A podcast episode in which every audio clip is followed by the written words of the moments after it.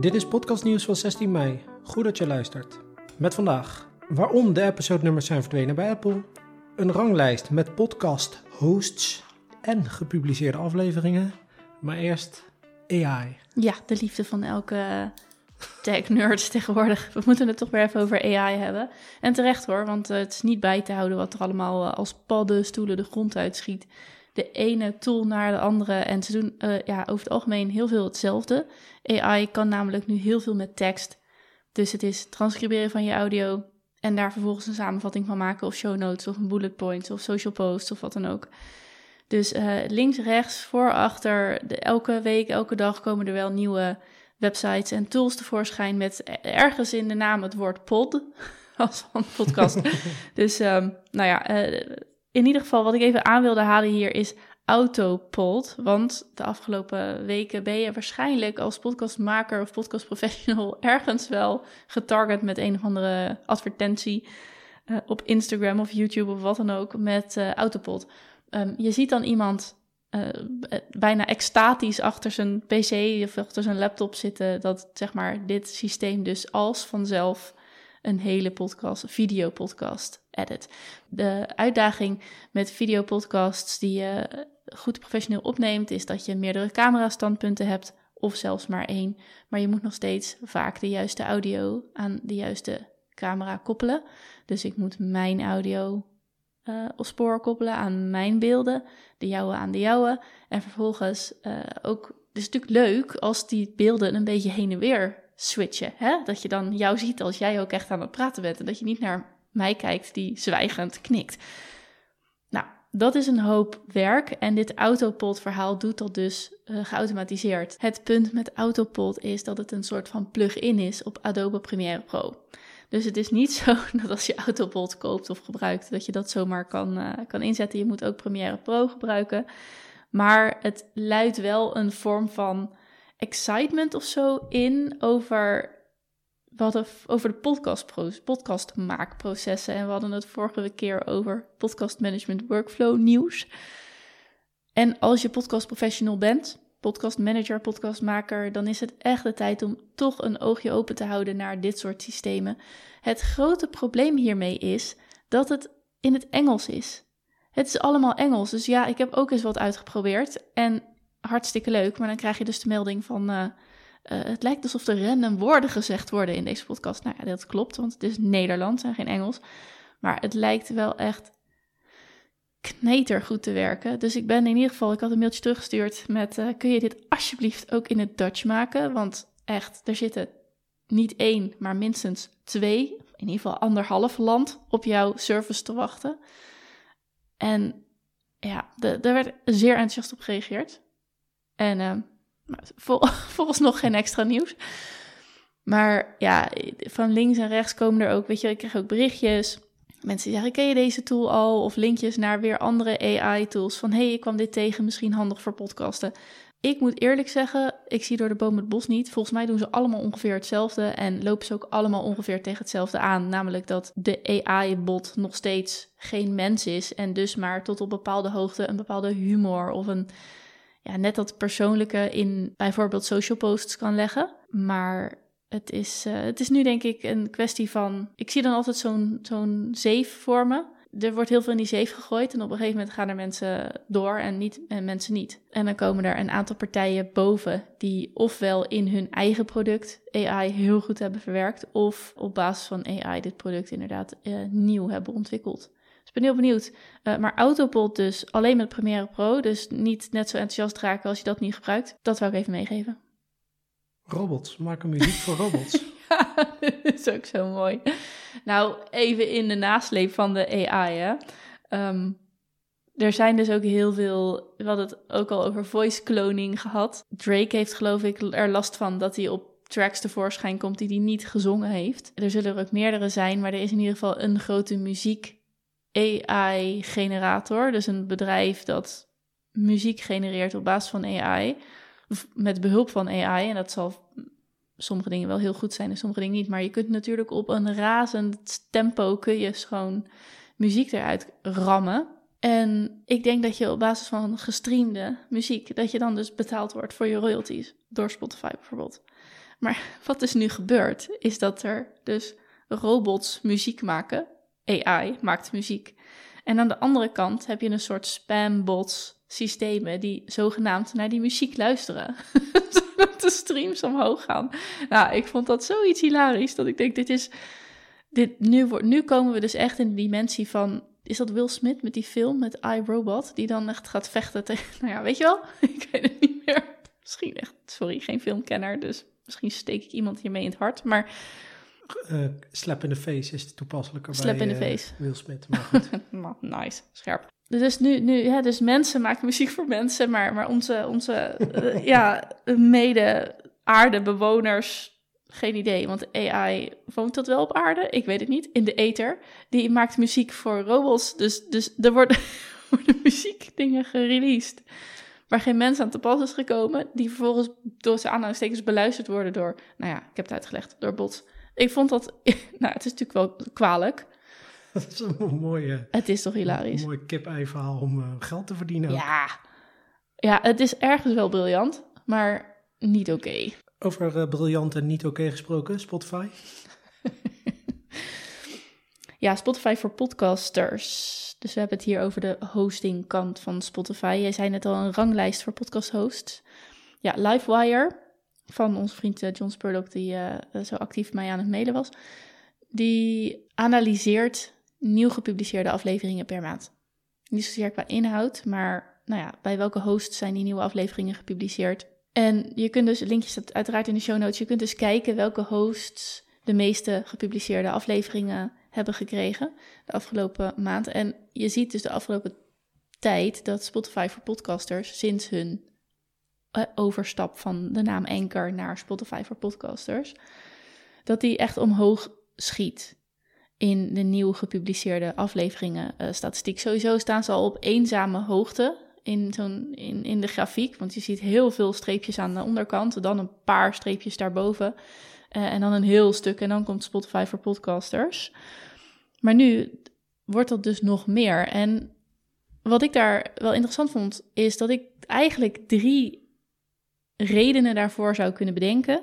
Want uh, er is eigenlijk niet zo heel veel veranderd aan de service, maar wel aan de naam. Reden nummer één. Ik denk dus dat heel veel mensen die onbekend waren met zelf een podcast maken, daar dan nu mee in aanraking komen, omdat ze wel bekend zijn met Spotify. Dus dat nieuws hebben ze ergens uh, gezien. En de stap om dat dan bij Spotify te doen is dan klein, want dat kennen ze al. Want je weet misschien dat je een hosting moet zoeken, maar je kent de hostings allemaal niet. Daar ben je onbekend mee. Dat is een wereld waar je ook misschien helemaal geen zin hebt om in te duiken. Want je, je opent een paar websites naast elkaar en wat zit je nou te vergelijken? En Spotify is een bekende naam, prima.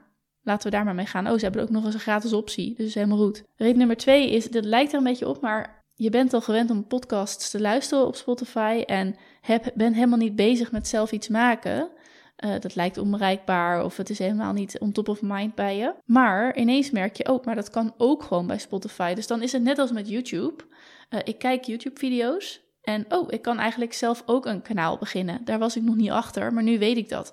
Eerst heette het Anchor by Spotify, maar dat is een veel grotere stap om echt naar een ander merk te gaan. Iets wat je niet kent. Dus nou ja, dat, dat zie je dan misschien niet eens. En de derde, en daar ben ik eigenlijk ook wel benieuwd naar, is uh, dat mensen misschien wel switchen. Want die ranglijst die is percentueel gezien. Dus het is het percentage van de totaal nieuw gepubliceerde afleveringen die dus omhoog gaat. Dus de afleveringen blijven misschien wel hetzelfde, of misschien zelfs uh, gaan naar beneden. Want er waren 3,5% minder nieuwe afleveringen gepubliceerd in april dan dat het in maart was, bijvoorbeeld. Uh, maar dat percentage wat bij Spotify gepubliceerd wordt, dat gaat omhoog. Dus ergens is het zo dat mensen die al een podcast hebben, als die verantwoordelijk zijn voor die, uh, die, die piek omhoog, dan zijn ze dus weg bij hun andere podcast host. Weet je, dat is net zo met alle cijfers. Wat zegt het nou? Maar ik vind het altijd wel leuk en interessant om na te denken over, uh, maar wat kan het dan zijn? En waar ligt dat dan aan? En ik denk hier in ieder geval uit te lezen dat we als podcast-industrie echt nog wel meer.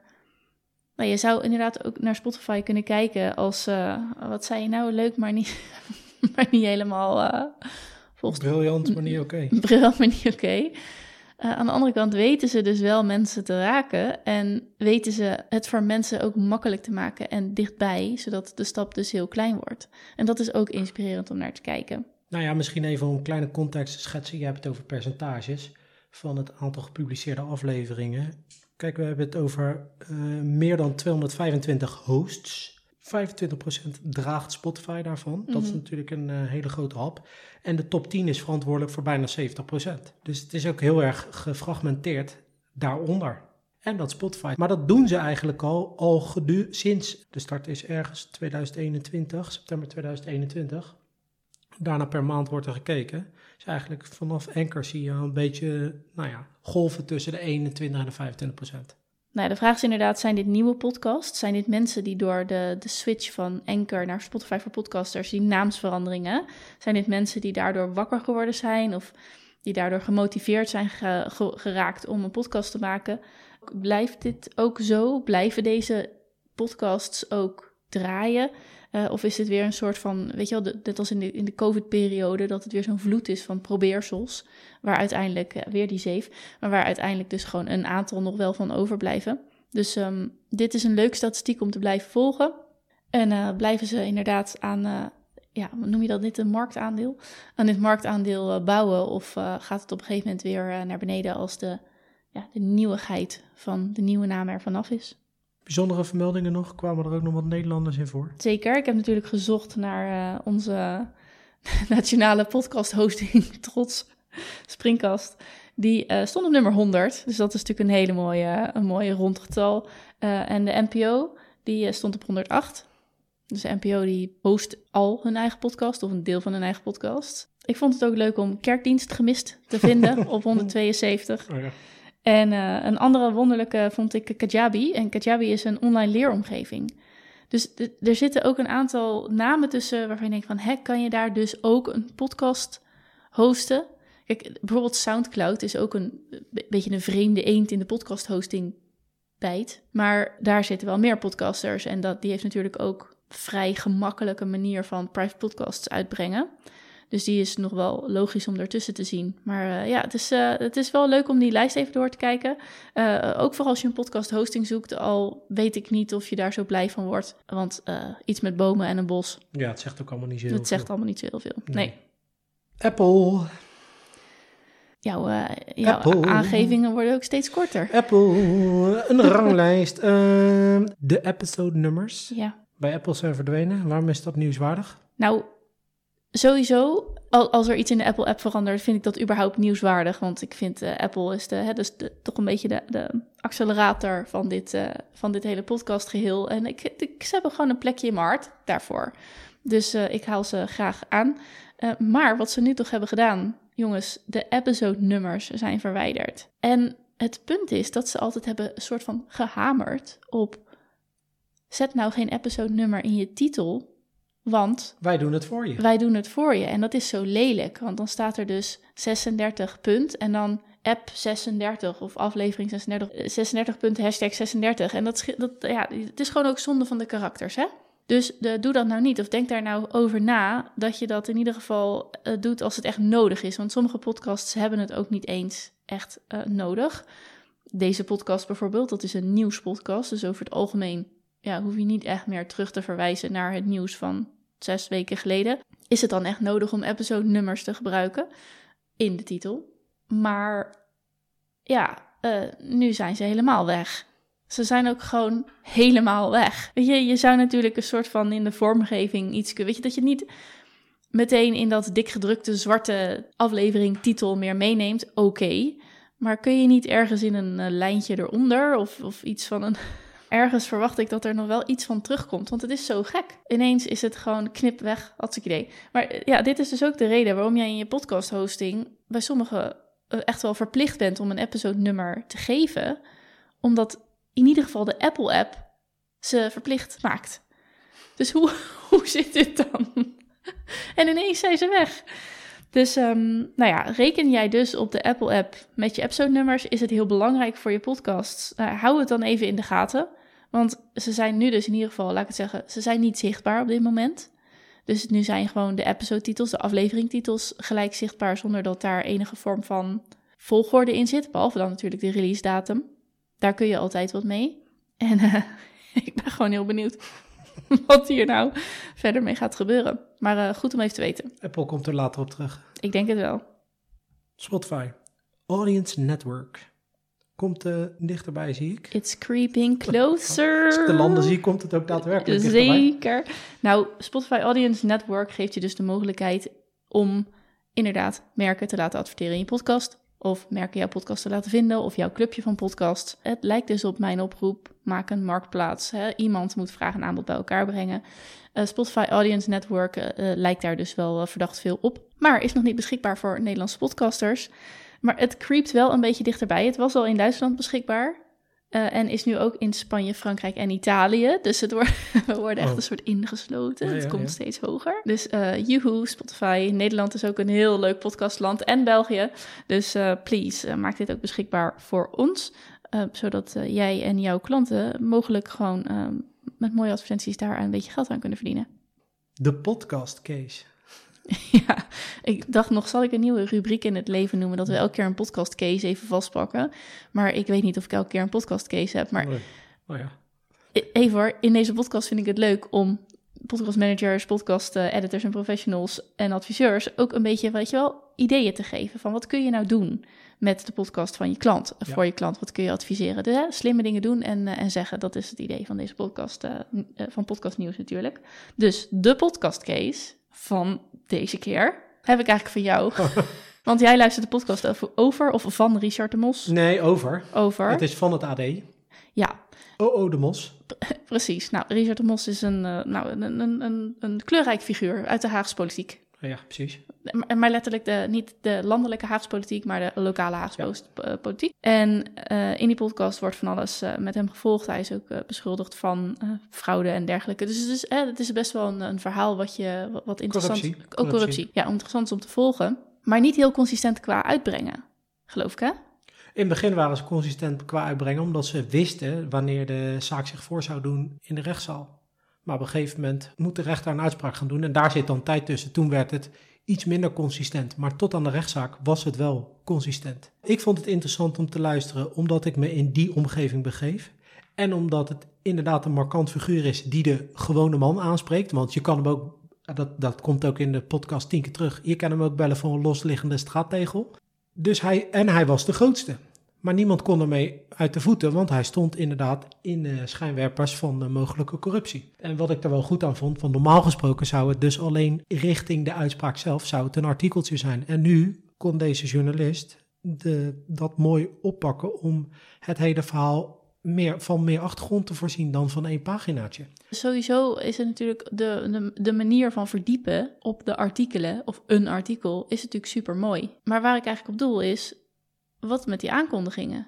Ja, ja, iedere keer kwam er gewoon eigenlijk de, een aflevering van 30 seconden. Niet iedere keer, maar er kwam een aflevering van 30 seconden online.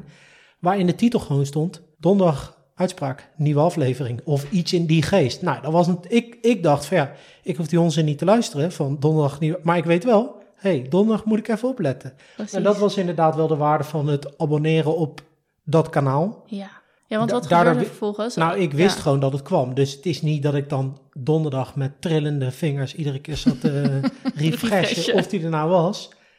Maar vrijdag wist ik wel, het is donderdag geweest, dus ik kan hem luisteren.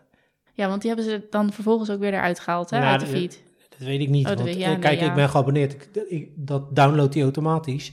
En ik luister dan niet, ik flikker het weg. Maar ik wist wel, het komt eraan. Ja, want het kwam dus, want jij, even, even jouw podcast luisterproces dan. Je opent de app Overcast, denk ik. Ja. Ja, en dan ga je naar nieuw of zo? Nee, ik heb gewoon een aantal nog te luisteren afleveringen staan. En dan als hij een nieuwe binnenhaalt, zet hij die in je rij. Zet je die in mijn rij erbij. Ja, dus dan open je die knop nieuw te beluisteren. Want jij laat alle podcasts waarop je abonneert auto-downloaden. Ja. Ja, dus dan heb je gewoon één feed eigenlijk van alle nieuwe afleveringen die zijn geüpload. Ja. En daar stond hij tussen. En dan weet je dus ook meteen, oké, ja, ik vond het echt zoiets briljants. Nou ja, en de waarde, dus voor mij, wat is dan de waarde voor download bij mij? Helemaal niks. Want hij auto-downloadt hem, maar zeker 50% flikker ik weg. Maar ik dacht juist van deze aankondiging, met deze aankondiging vertelt de download jou in ieder geval hoeveel mensen jij gewaarschuwd hebt dat ze kunnen gaan luisteren. Dat is waar, ja. Dat, dat was wat ik eigenlijk dacht. Dat is niet heel aantrekkelijk om hem aan te klikken, inderdaad. Oh, 30 seconden. Dus als ik niet auto-download, zou ik hem ook niet aanklikken. Nee, maar de titel zei het al. Ik hoefde hem niet eens Nee. aan te klikken. Het was gewoon helder welke kant ik eh, op moest bewegen einde van de week. Even bij deze, eh, ik vond het echt een mooie tip. Dus als jij een podcast hebt die ook inconsistent is of waar je dit in kan gebruiken, je trouwe luisteraars, je echte volgers, die beloon je daar dus wel mee. Ja, zeker. Ander cool kort nieuws wat ik tegenkwam. In SoundCloud heb je een gedeelte SoundCloud voor Artists. En die maken het mogelijk om met je top luisteraars, dus je, fans, zo noemen ze dat ook. Het is een onderdeel dat fans heet. Om te DM'en met je topluisteraars. Het- Het is in beta, het is in SoundCloud voor Artists. Maar ik moest gelijk denken, hoe cool zou dit zijn voor podcasters? Dat je in een app met je topluisteraars in contact kan komen. En nou ja, het is nog steeds zo dat dus de app ertussen zit. Hè? De SoundCloud zit ertussen. Eh, je krijgt niet de e-mailadressen van je luisteraars of wat dan ook. Maar ja, echt eh, eh, heel tof. Dus app-developers, luister mee en regel het voor ons. En verder moeten we het natuurlijk heel even over YouTube hebben. Want er zijn artikelen geschreven over dat YouTube op podcastgebied aan het floppen is. Er zijn cases van YouTube-shows die door het dak gaan. Het is natuurlijk ontzettend wisselend en afhankelijk van hoe je je strategie inzet. Ga je echt voor YouTube?